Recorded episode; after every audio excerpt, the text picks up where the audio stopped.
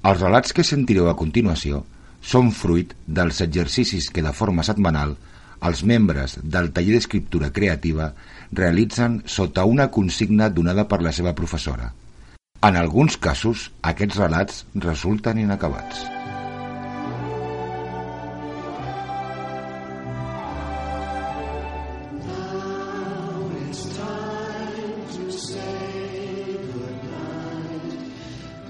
Una veu és suficient per transportar-te a un univers sorprenent, on cada dia t'espera una història diferent.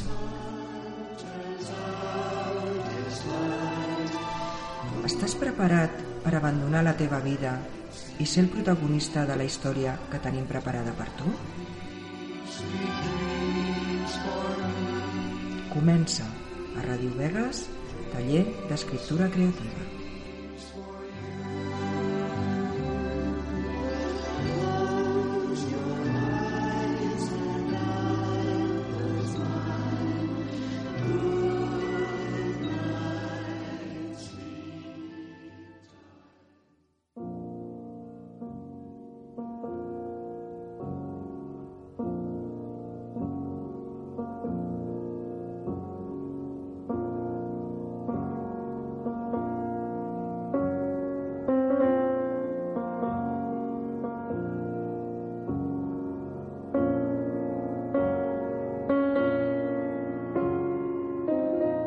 A los 20 años estuve a punto de suicidarme.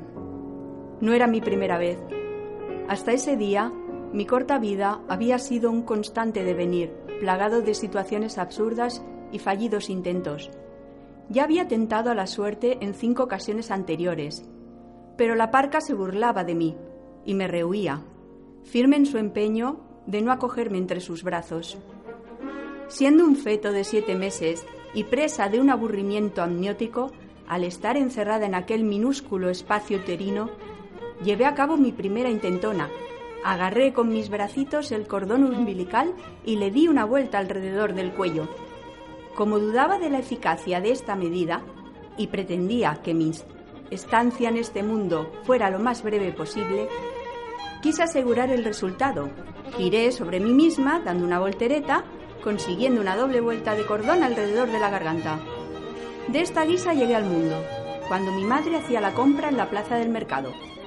Mi nacimiento fue rápido, tenía prisa por morir, y no hubo tiempo para avisar a la comadrona. Así que vi por primera vez la luz en el suelo pisoteado, en medio de un charco de sangre entre raspas de pescado y restos de fruta desechada gracias a la rápida actuación de una carnicera que cortó el cordón umbilical con un inmenso cuchillo de despiece.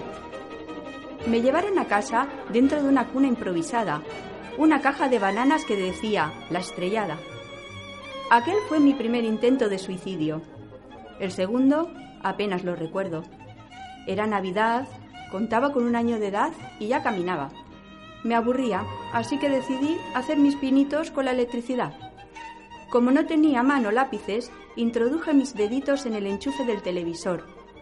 Me encantó aquella sensación picante de látigo ardiente, la violenta sacudida eléctrica, pero del susto no pasó. No satisfecha con la experiencia, enchufé directamente los cables de las bombillas de poca tensión que mis padres tenían preparados para montar el Belén.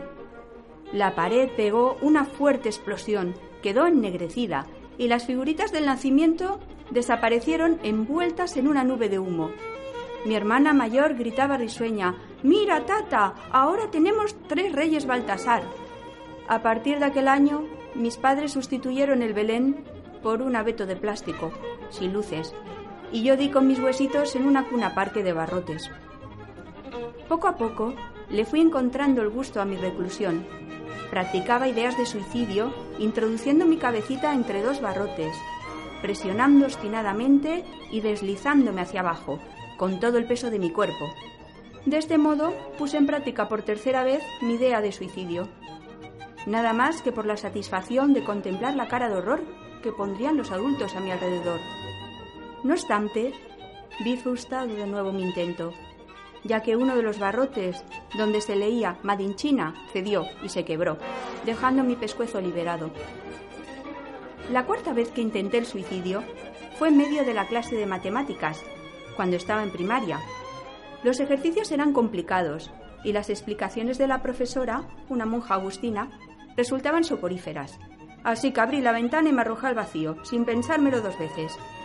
Pobre Soren Gracia, nunca fue mi intención que sufriera un infarto. Yo resulté ilesa. Apenas me causé unos rasguños, ya que el aula estaba en la primera planta y además caí sobre las colchonetas de gimnasia apiladas en el patio. Al cumplir la mayoría de edad, resolví, por quinta vez, desprenderme de la vida. Como novedad, pensé intentarlo con agua, así que me até una piedra gruesa a los pies y me tiré al pantano desde un puente. Caí sobre la unidad especial de buzos de la policía. La intentona se saldó con una víctima entre los miembros del Cuerpo Nacional. Yo resulté ilesa, como era de esperar. Esta vez di con mis huesos en la cárcel, condenada a ocho años y un día por un delito de atentado a la autoridad con homicidio imprudente. El antipático del juez no se apiadó de mí cuando le solicité a gritos que me impusiera la pena de muerte. Simplemente me dijo que no estaba contemplada en nuestro ordenamiento. Así que hoy, encarcelada en el pabellón psiquiátrico y a mis 20 años, estoy por última vez tramando poner punto final a mi existencia. Pero por más que lo intento, no consigo desenroscar el maldito tapón de la botella de lejía.